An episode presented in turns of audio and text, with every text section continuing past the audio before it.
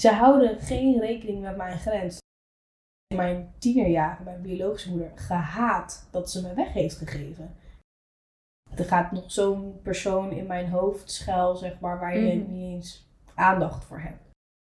Juist op het mooiste moment van je leven, dat je een kind krijgt, kan je er niet van genieten.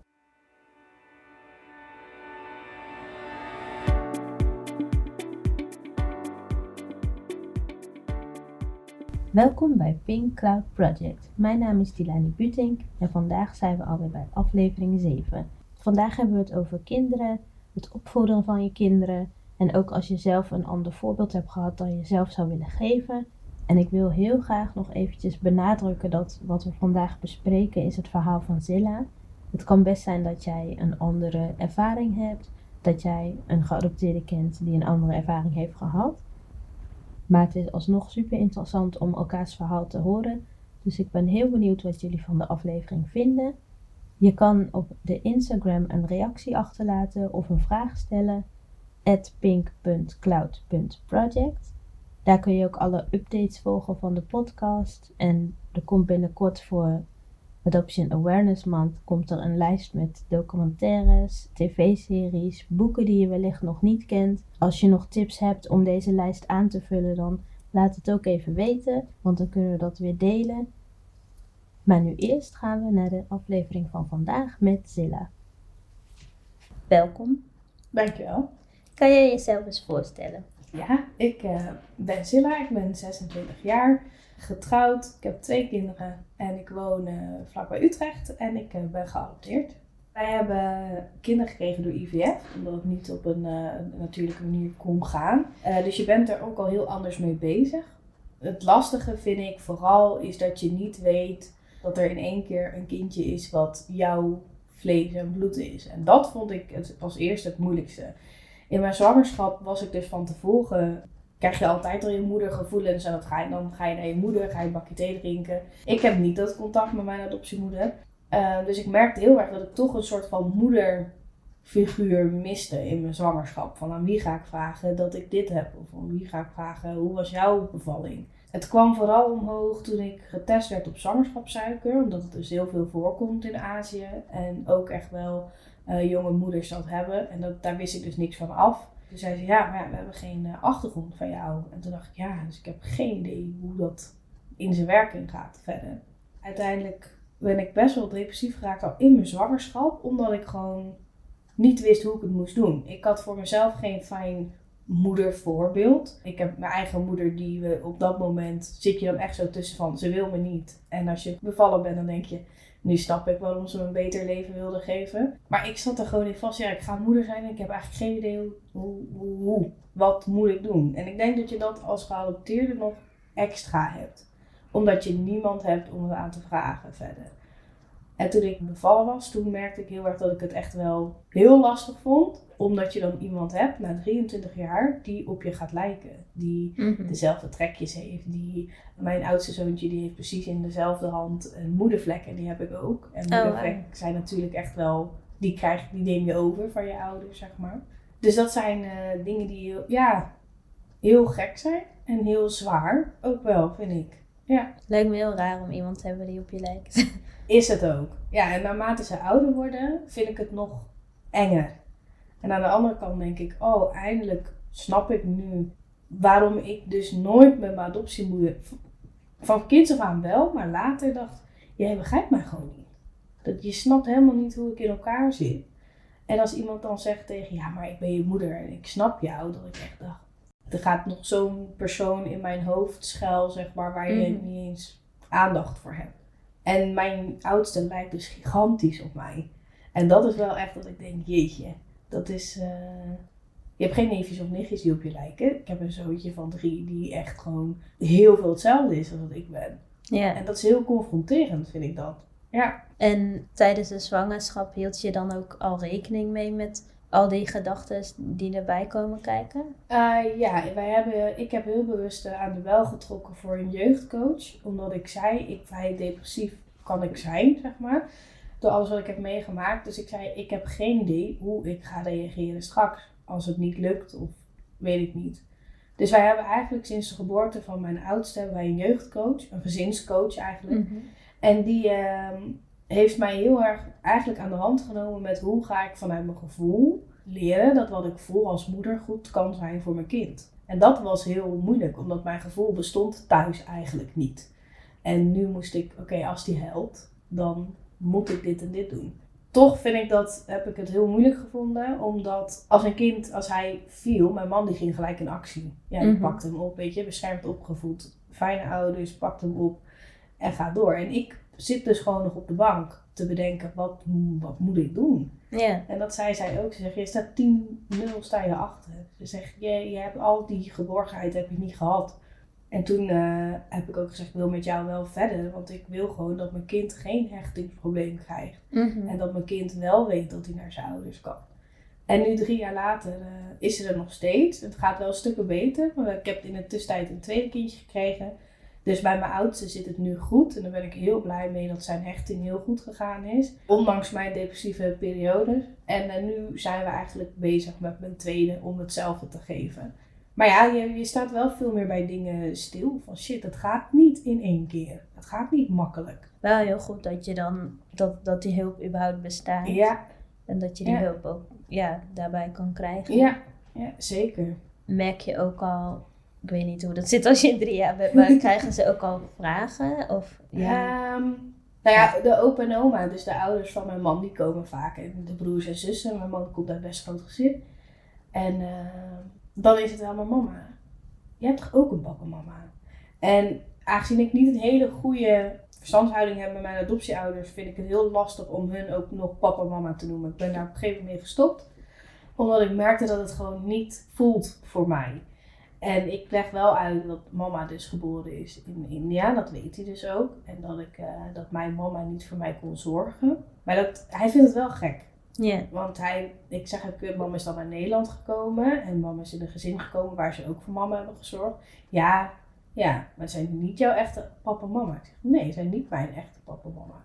Maar ze hebben wel goed voor me gezorgd. Ja, je kan aan een kind niet al je problemen Nee. Nee. Dus zo leg ik het. Maar ja, weet je, als ik ze zie, hier, want ze wonen hier Mhm. ook, dan denk ik wel altijd, ja, ik draai me maar om en ik loop weg. Want het is niet dat ik denk, oh kijk, opa en oma. Dat is, zij, zij, hebben ook niet die rol Nee. in zijn leven. Dus voor hem is het, oké, mama komt uit India. En mama heeft het mama ergens daar. Mhm. En mama is hier wel ingekomen en mensen hebben voor haar gezorgd. Zo Ja. Ziet hij het. Ja. Ja, precies. Op zijn kind ook wel. Ja. Eh, ja, we hadden het gehad over eh, dat je dus ook onder andere een postnatale depressie hebt gehad. Wat is daar precies anders aan? Ik denk dat de, het, het verschil daarvan is, is juist op het mooiste moment van je leven, dat je een kind krijgt, kan je er niet van genieten. Je ziet het meer als last. En, maar niet als last dat het kind een last is, maar dat jij een last bent. Dus je, je, depressie is natuurlijk al heel erg dat je niet zeker bent van jezelf. En als je postnataal zegt, oké, ik kan geen goede mama zijn, ik weet dit niet, ik kan niet deze luier verschonen, ik kan dit niet. En eh, het gehuil wordt erger, daar kan je gewoon niet mee opgaan. En dat zijn eigenlijk de dingen dat je, je raakt steeds meer verstrikt in je eigen gedachten. En je vergeet dat je dan nog een klein eh, baby hebt die eigenlijk zijn moeder het meest nodig heeft. Ja. Heeft dat ook met adoptie te maken? Of is dat, dat natuurlijk kan iedereen dat krijgen, maar Iedereen kan dat krijgen, maar het wordt wel versterkt door adoptie. Daar zijn ze bij mij dan achter gekomen. Ik ben bij mijn tweede ook postnataal depressief geraakt. En dat ze ook zeggen, ja, dit heeft zoveel grondslag gehad met wie jij bent eigenlijk. En zoveel conflict, omdat ik zo anders ben opgevoed naar de persoon. Ik ben niet opgevoed naar, naar wie ik zelf ben. Ik ben opgevoed naar een manier van hoe hun wilden dat ik was. Als je niet weet wie je zelf bent en je wilt dat wij je kinderen meegeven, dan, dan moet je gevoelens gaan, gaan voelen die je eigenlijk niet wil voelen. Want er komen allemaal, ja, komt verdriet komt omhoog en angst. En, eh, ja, dat is wel echt een web waar je met goede hulp uit moet komen, anders blijf je erin zitten. Ja. Ja. En merk je ook nog vers- ja, verschil? Dat is een beetje een lastige vraag natuurlijk, want je weet niet anders dan hoe het is om geadopteerd te zijn. Ja. Maar bijvoorbeeld in je gezin, je had het over dat je dus anders bent opgevoed. Niet naar de ik die jij bent. Ja. Waaraan merk je dat, dat dat zo is of was? Ik ben, ondanks dat mijn adoptieouders, weet je, hun best hebben gedaan, ben ik voor mij heel kil opgevoed. Ik, uh, er was wel een beetje ruimte voor mijn gevoel, maar niet genoeg. Het, het was niet doorvragen. Um, en ik merk aan mijn zoontje, die, die, hij is hooggevoelig en ik dan ook. En uh, hij vraagt heel veel door. En toen dacht ik, hé, hey, maar dat deed ik vroeger ook. Maar het antwoord is gewoon altijd, ja, het is zo. Yeah. Of ja, het is wel in korte versies uitleggen. En ik denk dat ik als kind niet, je weet niet beter. Maar naarmate ik ouder werd en zag dat andere kinderen om mij heen echt gesprekken hadden met hun ouders, merkte ik het wel. Ik merkte heel erg het verschil dat ik in huis was ik eigenlijk gewoon, ik, ik was er wel, maar ik was er eigenlijk niet. En als ik de poort uitliep van ons huis, dan kon ik ademhalen en dan kon ik weer mijn dingen doen en met vrienden afspreken. En toen merkte ik heel erg van, ik, dit is niet hoe ik, hoe ik ben. En heb je ook nog broers of zussen? Ja, ik heb uh, een oudere broer, die is tien jaar ouder. En die is geadopteerd uit Sri Lanka. Uh, als baby zijnde wel. En ik heb een uh, zus, die is Nederlands, biologisch van mijn ouders. Dus die zit in het midden, zeg maar. Oké. En dan ben ik de laatste. En merk je daar ook ja, verschil in, in geadopteerd zijn en biologisch kind? Ja, ik heb dat eigenlijk altijd. Is mijn, mijn ja, mijn zus werd altijd wel neergezet als degene die alles kon. Uh, zij was wel uh, degene die, die, heel veel goed kon doen. En mijn broer en ik waren wel de probleemkindjes. Of dan was dit weer. Of mijn adoptiemoeder was er ook zwaar van overtuigd dat ik autisme had, net zoals mijn broer. En uh, daar, blijft, daar bleef ze gewoon dan echt op, op, op hameren. En alles was, had dan ook maar daarmee te maken. En bij mijn zus was het, ach, ja, maar je doet dit goed of dat goed. En uh, het kostte ons ook veel meer moeite. Want je moet je niet alleen voor de wereld laten zien en bewijzen, maar ook nog eens thuis. En dat was heel zwaar. Ja. Eigenlijk een beetje dat je je ouders moet overtuigen dat je, ja.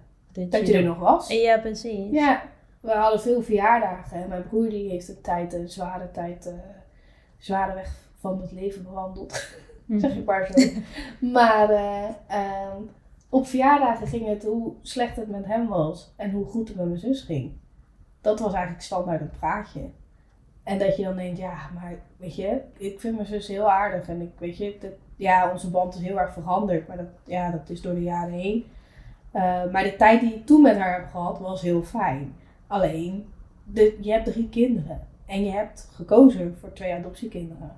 Maar de bagage die daarmee komt, zeg maar, die mhm. kunnen ze niet aan.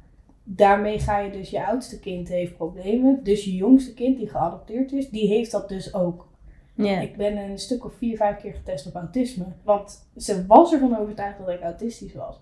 Ik ben in 2014 zelf opgenomen geweest, omdat ik echt uh, helemaal de weg kwijt was. En uh, toen zei ik het enige wat ik wil, dat je me test op autisme. Ik zeg, omdat ik zo vaak heb gehoord dat ik autisme heb en dat ik autistisch ben en dat ik dit niet kan of dat niet kan.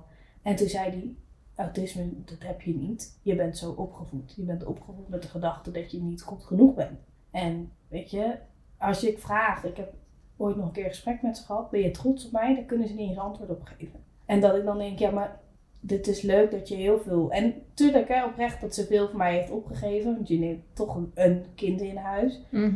Maar daar krijg je het eeuwige geadopteerde dankbaarheid, wat je moet zijn. Ja, precies. En dat heb ik ook gezegd. Ik vraag of je het fijn vindt om met mij in contact te zijn. Ik vraag niet wat je mhm. hebt opgegeven. Maar jij gaat lijkt mij toch ook niet tegen jouw kinderen de hele tijd zeggen, nou je bent, uh, we hebben heel veel moeite voor je liggen daar ja. via IVF. Ja, dat is... Dat, dat, is, doe je niet. Nee, dat, nee. dat hebben... Ik zou het nu, ik zelf in zo'n positie heb gestaan, ik zou het nooit kunnen zeggen. Nee. Weet je, het kost je alles. Het, het kost, uh, je moet heel veel opgeven, maar je doet het omdat je het graag wil. Yeah. En niet om later tegen het kind te zeggen, ik ben maar simpel iets gebleven. Ik ben maar verpleegkundige gebleven, mm. weet je. Ik heb niet veel kunnen doen. Dan denk ik, ja, maar ik heb er ook niet om gevraagd dat jij mij uit, uit, het, uit het kinderthuis hebt geplukt, bij wijze van. Dus- en dat is wel, uh, dat is bij hun heel erg. Wij hebben het goed gedaan, wij hebben jou geadopteerd, wij hebben alles in jou gestoken.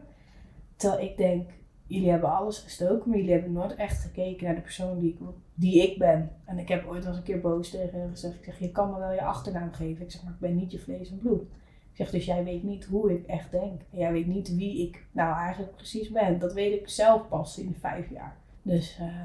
Ja, lastig. Maar ook wel weer, denk ik, goede inzichten voor hoe je dan dus je eigen opvoeding niet wilt in dit geval. Ja, precies. Je weet heel goed wat je niet wil in je opvoeding. Maar wat je soms vergeet als ouder zijn is, je bent jarenlang zo opgevoed. Dus het zit ook geprogrammeerd soort van in je hoofd. Dus ik heb wel eens dat ik... Maar het opzoek was heel streng. Het was echt...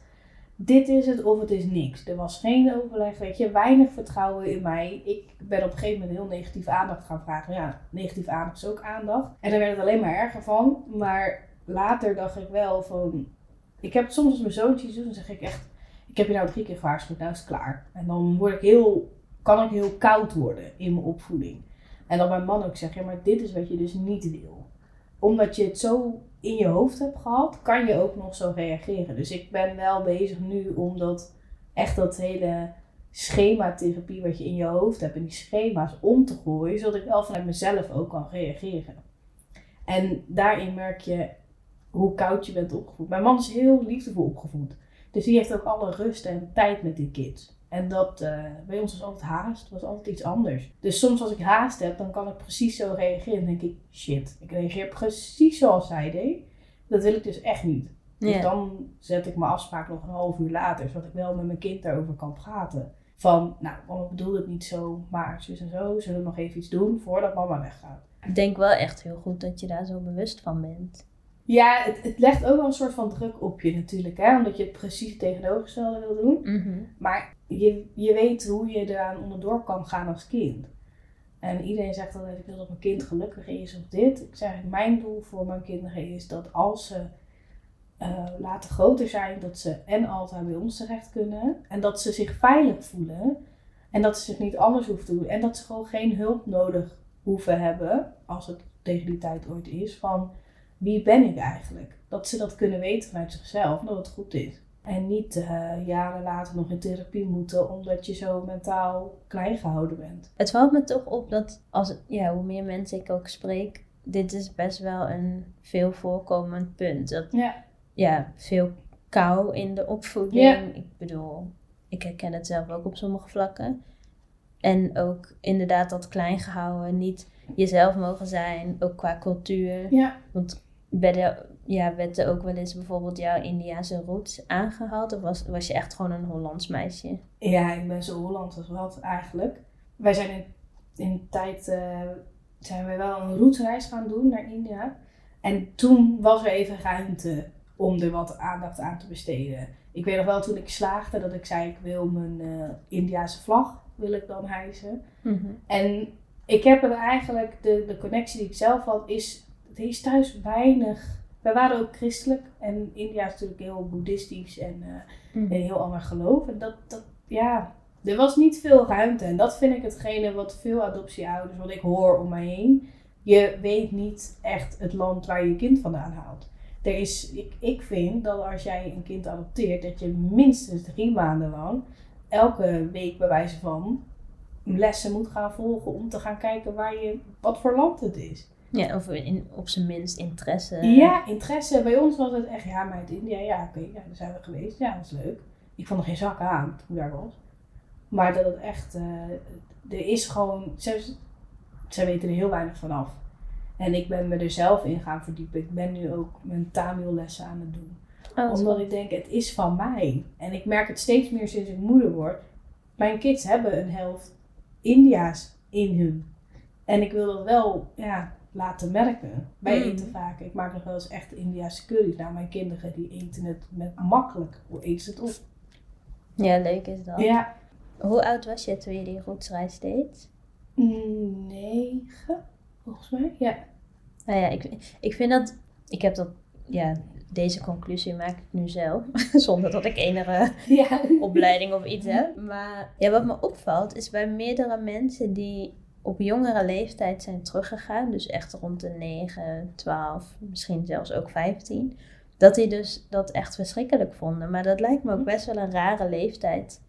Waarbij het je misschien niet eens interesseert. Of waarbij je denkt van, oh wat raar allemaal. Misschien, misschien projecteer ik dit nu wel, maar... Nee, ja, ik. ehm, de enige met wie ik in de familie echt een klik had gehad was maar bij mijn opa en oma. En mijn oma zat in een rolstoel toen ik kwam. En dus ik heb met haar leren praten, zeg maar, in Nederlands. En zij overleden vlak na elkaar. En daarna gingen wij een rootsreis doen. Oh, het verschrikkelijkste wat je me aan kunnen doen was nadat ik die mensen verloor, gepest werd op school, naar een land te gaan waar ik vandaan kom, waar iedereen me aankijkt alsof ik daar niet hoor. Nou, dat is echt, dat is uiteindelijk ben ik erachter gekomen op het begin geweest dat ik gewoon niet mezelf meer kon zijn. Weet je, je houdt, ik, ik vind India oprecht als klein kind toen ik daar was, vond ik het echt, ik kon niks meer. Ik vond het verschrikkelijk. Al die mensen die aan je zitten, het is een cultuur, maar als je daarvoor niet beschermd wordt en voorbereid wordt, weet je niet waar je aan begint. En ik weet nog wel dat iemand ook heeft gezegd, het was handiger geweest als je gewoon volwassen was. Of 18 en dan je rootsreis. 9 en sowieso jeugd is verschrikkelijk als je het gaat doen. Want je weet al niet wie je bent. Je hebt al duizend vragen. En als je niet sterk genoeg bent als ouder zijnde om je kind daarin te ondersteunen, moet je het niet doen.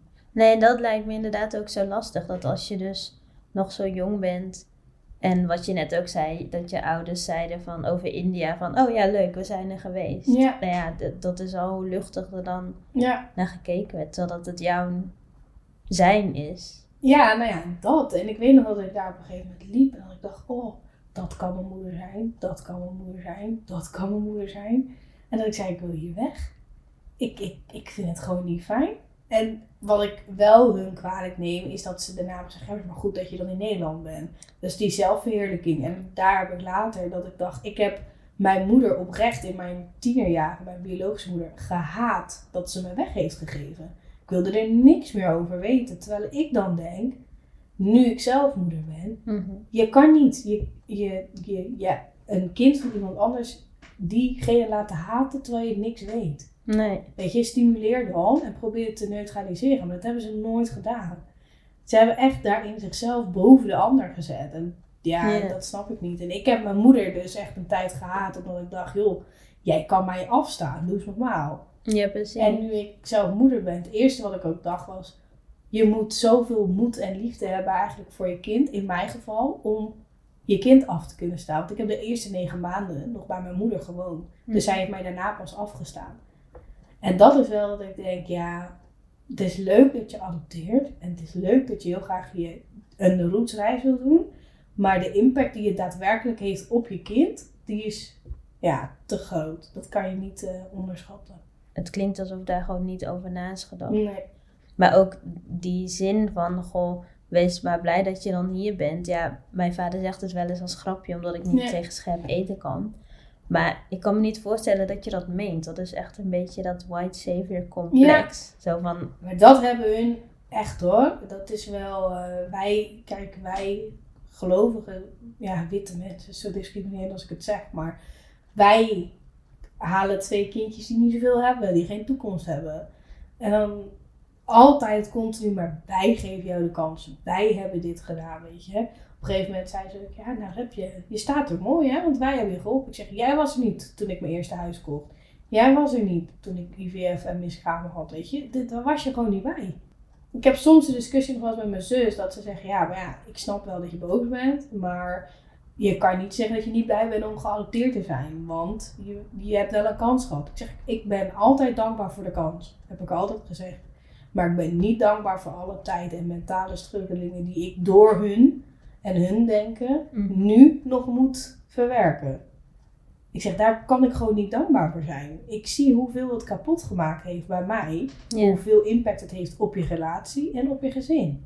Ik zeg, daar kan ik niet dankbaar voor zijn, sorry. Ze hebben me mijn natje en mijn droogje gegeven. mhm, Dat hebben ze gedaan. Maar de mentale liefde en de steun en mij kunnen erkennen, dat hebben ze nooit gedaan. Voor mijn gevoel. Misschien hebben zij hun best gedaan. Ehm, ik, als ik discussies had bijvoorbeeld, of ik zei iets, dan had ik heel snel een grote mond. En op een gegeven moment eh, sloot ik me gewoon af. Dan ga je dissociëren. mhm, Toen zei ze altijd, oh dan gaan je gordijntjes weer dicht in je ogen. Nou heeft het geen zin wat ik tegen je zeg. Oh, Zo. En dat ik op een gegeven moment dacht, er was één moment, dat was het moment voordat ik bijna uit huis ging. Toen eh, zei ik iets tegen haar, zij begon te schreeuwen. Toen kwam haar adoptievader van beneden omhoog rennen. En ze stonden alle twee, stonden ze tegen mij te praten. En ik, op dat moment dissocieerde ik. En het, weer die scherpe opmerking van, oh ja, het heeft geen zin wat we zeggen, want eh, de gordijnen gaan alweer dicht. En toen dacht ik, ik moet hier weg. Ik moet hier echt weg.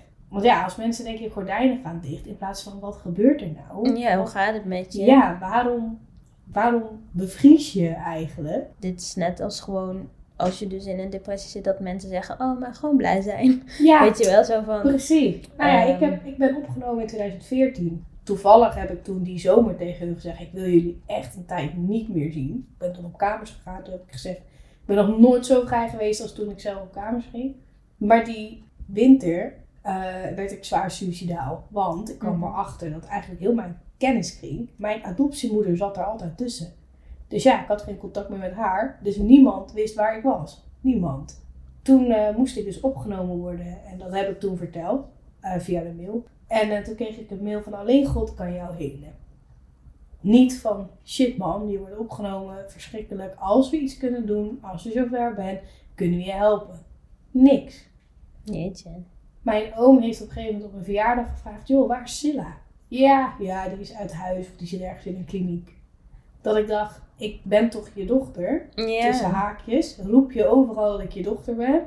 Maar je doet niks om te laten zien dat ik daadwerkelijk je dochter ben. Sorry, maar als je als ouder zoiets hoort, dan ga je toch met gieren de wanden naar die kliniek toe? Ja, nou ja, als je niet. Bij wijze ik van snap dat je het niet wil, omdat ik het niet wilde. Maar we hebben daarna gesprekken gehad en van alles en nog wat. Maar zij kunnen continu goed praten waarom ze iets niet hoeven doen. We hebben ze uitgenodigd op een Ja. bruiloft, zijn ze niet gekomen. Weet je, de, bij mijn oudste, toen ik beviel in het ziekenhuis, toen zouden ze er bijvoorbeeld om een tijd zijn, komen ze een uur later. Ze houden geen rekening met mijn grens. Totdat ik in 2019 mijn grens heb getrokken. Ik zeg, dit gaan we niet doen. Ik zeg, we gaan niet dat jij nu nog mij gaat kleineren en mij naar beneden gaat halen en niet serieus gaat nemen ten koste van mijn kinderen en van mijn stress. Ik beviel vorig jaar van mijn zoontje, ik heb niks van mijn adoptiemoeder gehoord. Ja, en ook al heb je aangegeven dat je het niet wil, dan nog gaat het ook wel een beetje om de moeite die een ander er dan instopt. Ja, Of die niet erin wordt gestopt. En dat zegt ja dat zegt veel. ook al veel. Ik heb wel gezegd, we hebben wel een paar keer gesprekken gehad, en, maar het komt altijd vanuit ons. Wij mailen van jongens, eh, is er nog een mogelijkheid? Wij willen wat vorig jaar gebeurd is, willen we niet, maar zus en zo. En wij mailen. Toen ik mijn zoontje liet dopen, wij mailen. Toen ik eh, niet goed ging dit jaar en opgenomen moest worden, wij mailen. Nu bleek dat mijn adoptievader een lichte TIA had gehad. Ik hoor niks. Ik hoor het dagen later van mijn broer dan, die me belt van ja, ik bel maar. Mhm. Dat ik denk, joh, wat is de moeite om even een appje te sturen, joh, een TIA, bla bla bla. Ik stuur hem een appje van, ik heb het gehoord, ik ben ervan geschrokken, maar ik vind het wel heel jammer dat je het mij niet vertelt. Want je zegt dat ik je dochter ben bijverteld. Dankjewel, meer Ja. krijg je niet. Zij werkt in het ziekenhuis, dus alles was medisch. Ik weet nog, en dat vind ik heel moeilijk, ehm, toen ik beviel van Mio, gaat eindelijk een zwangerschap goed. Mijn zus was toevallig dezelfde tijd. Die was vijf weken eerder, eh, of vijf weken verder. Dat zij bevallen was. En in één keer was het, oh ja, jij gaat binnenkort ook bevallen. Dat ik echt dacht, ik loop echt ook al 36 weken met een kind in mijn buik. Mhm. En eh, ik heb heel erg overgegeven ehm, tijdens mijn zwangerschap. eh, 25 weken lang ongeveer. En toen werd ik op een gegeven moment opgenomen. Want ik begon bloed over te geven. Ik hield niks meer binnen. En dat hebben we hun verteld. Wat doen hun? Oh, we wisten niet of je wilt dat we langskomen. Zeggen ze achteraf. Zij stappen in de auto en ze gaan gewoon op wintersportvakantie. Terwijl ik denk, je dochter ligt in het ziekenhuis. Mhm. Geef bloed over. En dan krijg je dat. En dan wel een appje van, oh ja, ze, geeft, ze heeft dan wel wat vaker overgegeven. Wat vaker. Ik moet al kotsen als ik de visboer langs... eh, of als ik een slok water. Dat, Ja, dat werd precies. zo... Ja, het wordt gewoon niet serieus genomen. Nee, Dat, eh, ze kunnen er niks mee. het is een beetje een soort van klein, je probleem klein gehouden. Ja, of het is jouw probleem. Ja, Het is jouw gevoel. Kan ik niks aan veranderen. dat, dat is zo plat gezegd. Want Ja. daar- of ja, zo'n dooddoener ook weer. Ja, constant. Dat blijft, weet je. En dan denk ik, als je niet begrijpt dat je iemand pijn doet met de woorden en de daden die je doet, dan snap je het niet. Weet je, Nee. je moet sorry kunnen zeggen en je moet kunnen aangeven, joh, ik heb het niet handig aangepakt. Ben je ook van plan om met jouw kindjes naar India te gaan? Ja, maar wel, mijn man en ik hebben wel afgesproken echt pas als ze 18 zijn. Want dan, weet je, dan kunnen we ook echt wel gewoon als gezin, kan je goede gesprekken erover hebben. Maar ik ben dat wel van plan. Ja, ik wil wel laten zien waar mama vandaan komt. En ik wil het voor mezelf heel graag naar iets positiefs veranderen om met mijn eigen kinderen daarheen te gaan. Ja. Ja, dus dat ben ik wel eh, van plan, maar dat duurt nog even. Ja, ja. ja, ze zijn net drie en één. Ja. Dus, eh, Nou ja, wel mooi vooruitzicht. ja. ja, en ik krijg ook, ik heb een hele goede vriendin die mij eh, heel goed aanvoelt. En die heeft laatst een heel boek over India gegeven. En daar kijk ik dan wel echt met mijn kinderen naar. En ik heb nog steeds een Indiase cd en die luister ik veel. Ja, kijk, ik ben verder niet, je zal mij niet zien dat ik uit India kom op mijn huidskleur na, zeg maar. Maar ik merk wel dat het steeds meer gaat leven in mijn hart en dat vind ik wel heel erg fijn. Het is lastig, hè, want ik heb natuurlijk een mega, zelf een, een blanke familie. Mijn schoonfamilie is ook, eh, dat is, ja, ook zo blank als ik weet niet wat zijn kan. En eh, het is wel lastig als je zelf een hele moeilijke jeugd hebt gehad. Voor jezelf mentaal. Dat je dan in een gezin komt dat heel hecht is met elkaar. Mhm. En echt voor elkaar klaar staat. En ik heb echt, december komt eraan. En ik vind december een verschrikkelijke maand. Want het is altijd echt een familieding. Ja. En ondanks dat ze echt, wat mijn schoonbroers en mijn schoonzussen, echt petje af. Ze proberen, ze houden ons er altijd bij en ze doen altijd hun best. Maar ik zeg ook tegen Weerjan, hier kan niemand wat aan doen. Maar dat zit in mij. Ik voel mij, als ik daar ben, ik voel me altijd te veel. Ja. Ik voel me altijd, oh ja, weet je, kijk hoe goed een familie kan zijn. En het is Mhm. niet jaloers, want ik gun het mijn man heel erg. Maar het is voor mij wel altijd van, oké, ik wil dit ook voor mijn Ja. kinderen. Maar ik ben ook de buitenstaander. Ik ben wel de enige aangetrouwde, zeg maar, in het, eh, in het gezin daar. Maar het is wel dat je ook denkt van, oké, het overkomt je gewoon elke keer weer van een groot, hecht, mooi gezin bij elkaar. Dat is, eh, ja, Ja. je bent dan de geadopteerde aanhang. Ik, Ja, ben- ik was het thuis al. Mhm. En in onze grote familie met neef en nicht voelde ik me ook nooit daarbij horen. Ja. Zo'n soort teruggen naar, ja, naar Ja. thuis eh, Ja. situatie. Ja. Ja, het is wel grappig, of nee, helemaal niet grappig, maar typisch.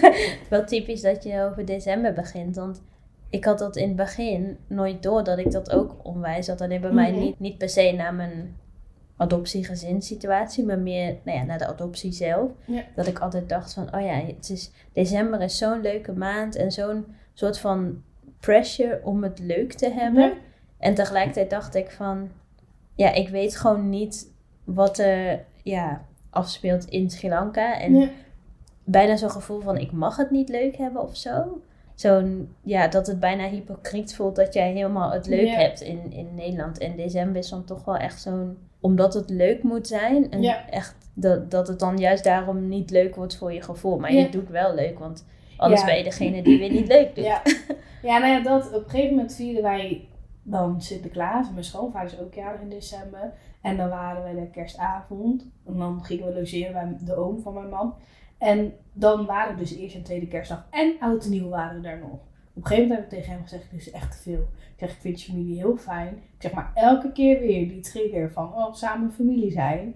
Ik kan het niet. Weet je, nu hebben we kinderen en doen met Sinterklaas. Ik vind het lastig. Omdat ik aan de ene kant denk, ja, je gunt het je kind.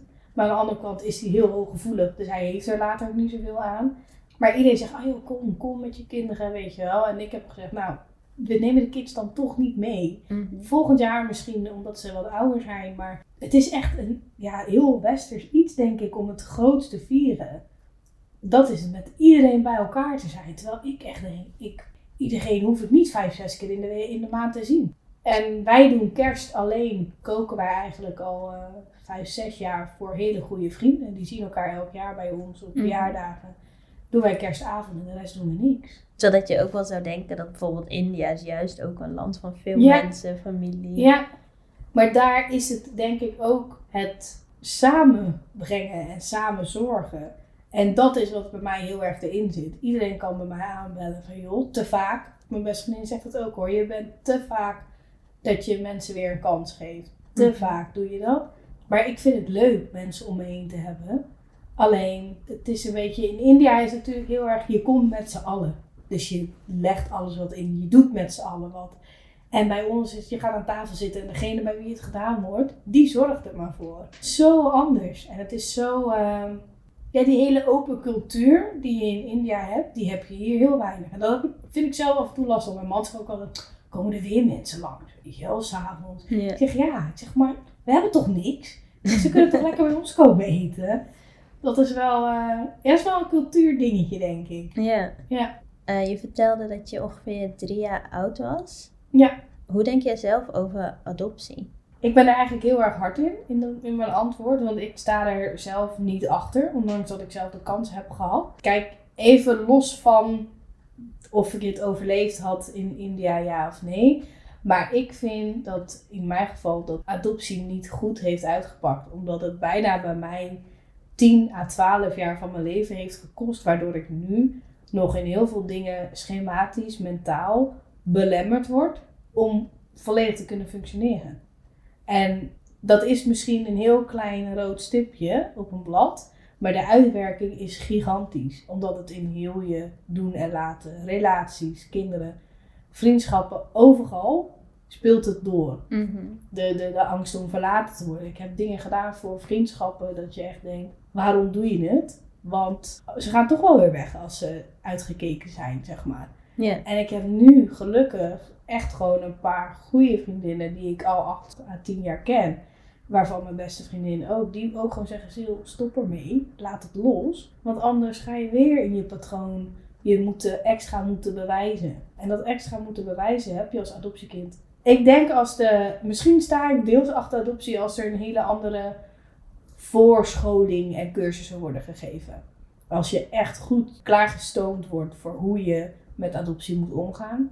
En dat er veel meer hulp is in, die, in het hele project en traject na dat het kind 18 is. Je kan een adoptie maken en breken bij hoe je als adoptieouders erin staat. Ik denk dat het dat is. Want ik heb ook wel wat vriendinnen die juist een hele goede band hebben met hun adoptieouders.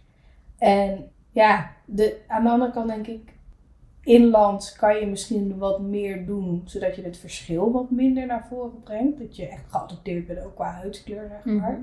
Dus misschien is het niet dat ik zeg, joh, ik sta helemaal niet achter adoptie. Ik vind het een, een oké iets. Ik, ik ben er oké mee. Ik zou er zelf nooit voor kiezen. En ik zou iedereen die in mijn omgeving zegt, oh, ik ga adopteren, die zou ik drie keer aankijken van, Really? Hmm, je kent mijn verhaal. En ik denk sowieso dat je als adoptieouders, snap ik heel goed van diep binnen in mijn hart dat je de wens hebt om kinderen te krijgen. Eh, als je alles hebt geprobeerd en het lukt niet. Heel mooi dat je dan die stap wil zetten, maar vergeet niet dat je een kindje wat al een connectie heeft met een moeder, Mhm. je kan het niet eigen maken. Ik denk dat je het echt moet zien als je, je bent een haven voor een adoptiekind. Je kan, dat kind kan in en uitvaren. Maar je bent niet een bunker waar het kind vast zit, zeg maar. Ik vind het interessant om te horen dat je inderdaad niet volledig tegen adoptie bent, maar wel vooral hier het belangrijk vindt dat je gewoon goed wordt, Ja. ja, goede opvoeding krijgt, goed Ja. wordt opgevangen. En merk je dat dan ook nog buiten het feit van het gezin, dat het dan nog, je had het dan een klein beetje over vriendschappen, dat adoptie daarin doorwerkt of in andere manieren? Ik denk dat het toch wel een soort voor mij dan een constant reminder is. Ik was dan op de verjaardag van mijn beste vriendin, die werd 30. En s s'avonds was het zo gezellig, familie, vrienden. En dan denk ik, joh, dan zie ik haar zoontje lekker met de, met de kinderen spelen, met opa en oma. En dan denk ik, dat mis ik wel. Dat, dat hele enthousiasme. En dat hele, we zijn er altijd voor elkaar. En wat ik wel inderdaad in vriendschappen, maar ook met, met familie of met anderen, ik, omdat ik thuis nooit goed genoeg was en dat ook dus de hele tijd heb gevoeld dat mijn, biologische moeder mij niet goed genoeg vond, ehm, ga je dus overcompenseren. Dat leer ik nu niet meer te doen, maar ik wilde altijd dat ik denk, oh, ik moet 110% geven. Ook in vriendschappen, weet je wel. Je gaat elkaar vaker zien, vaker appen, dit en dat. Mhm. En nu leer ik, ja, mensen komen ook wel gewoon naar je toe. De mensen die ertoe doen, die komen naar je toe. Ja, Maar dat is voor mij een heel proces, want ik ben echt bang. Ik zeg altijd, ik ben zo snel gehecht aan mensen als een hond aan, aan zijn baas. Mhm. Omdat het gewoon, je hebt iemand, die ziet jou even. En dat is het, hè, je wordt als kind nooit gezien. Adoptiekind word je altijd over het hoofd gezien.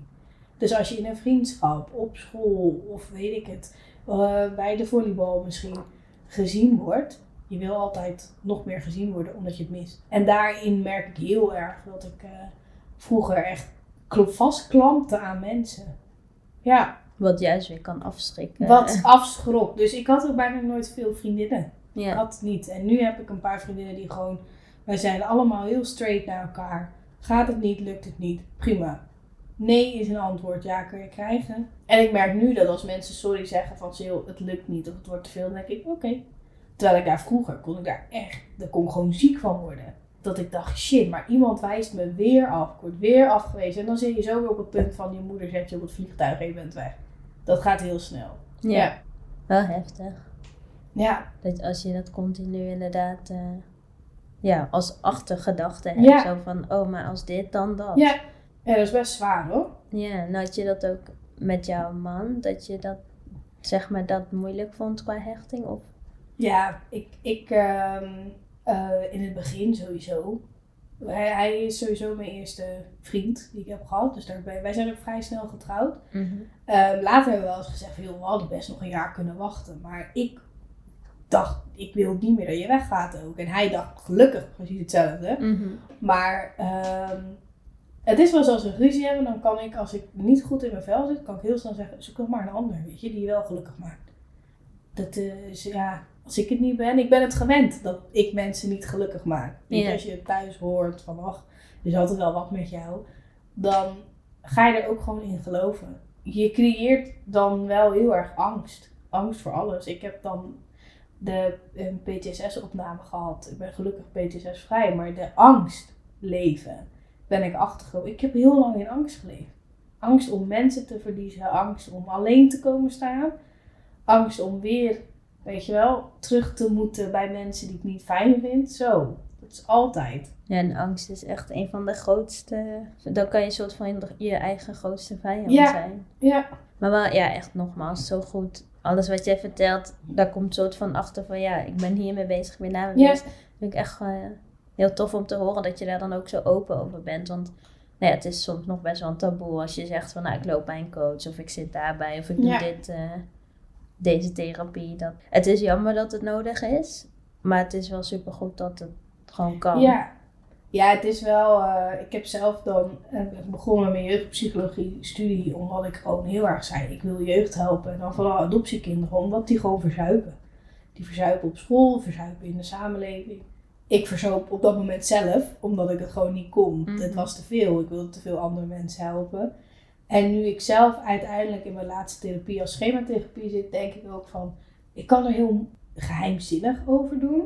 Maar adoptie is een groot deel wat mij als kind gewoon niet mezelf heeft laten zijn. Mhm. Doordat mijn adoptieouders niet met mij om wisten te gaan. Omdat ik niet... Zij konden mij niet lezen. En ja, dan ga ik dan... Ik heb het hele tijd voor mezelf gehouden. Nu denk ik, ik heb zelf kinderen. En ik wil ook dat hun weten dat mama wel gewoon hun best, haar best doet. En dat het gewoon soms met tien stappen extra moet gaan. Maar eh, dat het wel komt. En dan is open en eerlijk daarin, voor hoe je je voelt, is het beste. Ja. Wat zou jij willen vertellen aan mensen die nog niks van adoptie weten? Maar hoeft niet per se toekomstige adoptieouders, maar gewoon iemand algemeen. ja, die, die nog die adoptie niet kent. Ook niet van spoorloos, ook niet, gewoon niks. Ik denk dat de intenties vaak goed zijn, maar dat ze geen idee hebben wat je moet doen met een adoptiekind. Ja, de bescherming tegen de samenleving, de bescherming voor zichzelf, de vragen, de, de, de, de liefde. Je moet voor een, een adoptiekind eigenlijk nog drie keer zoveel liefde kunnen geven.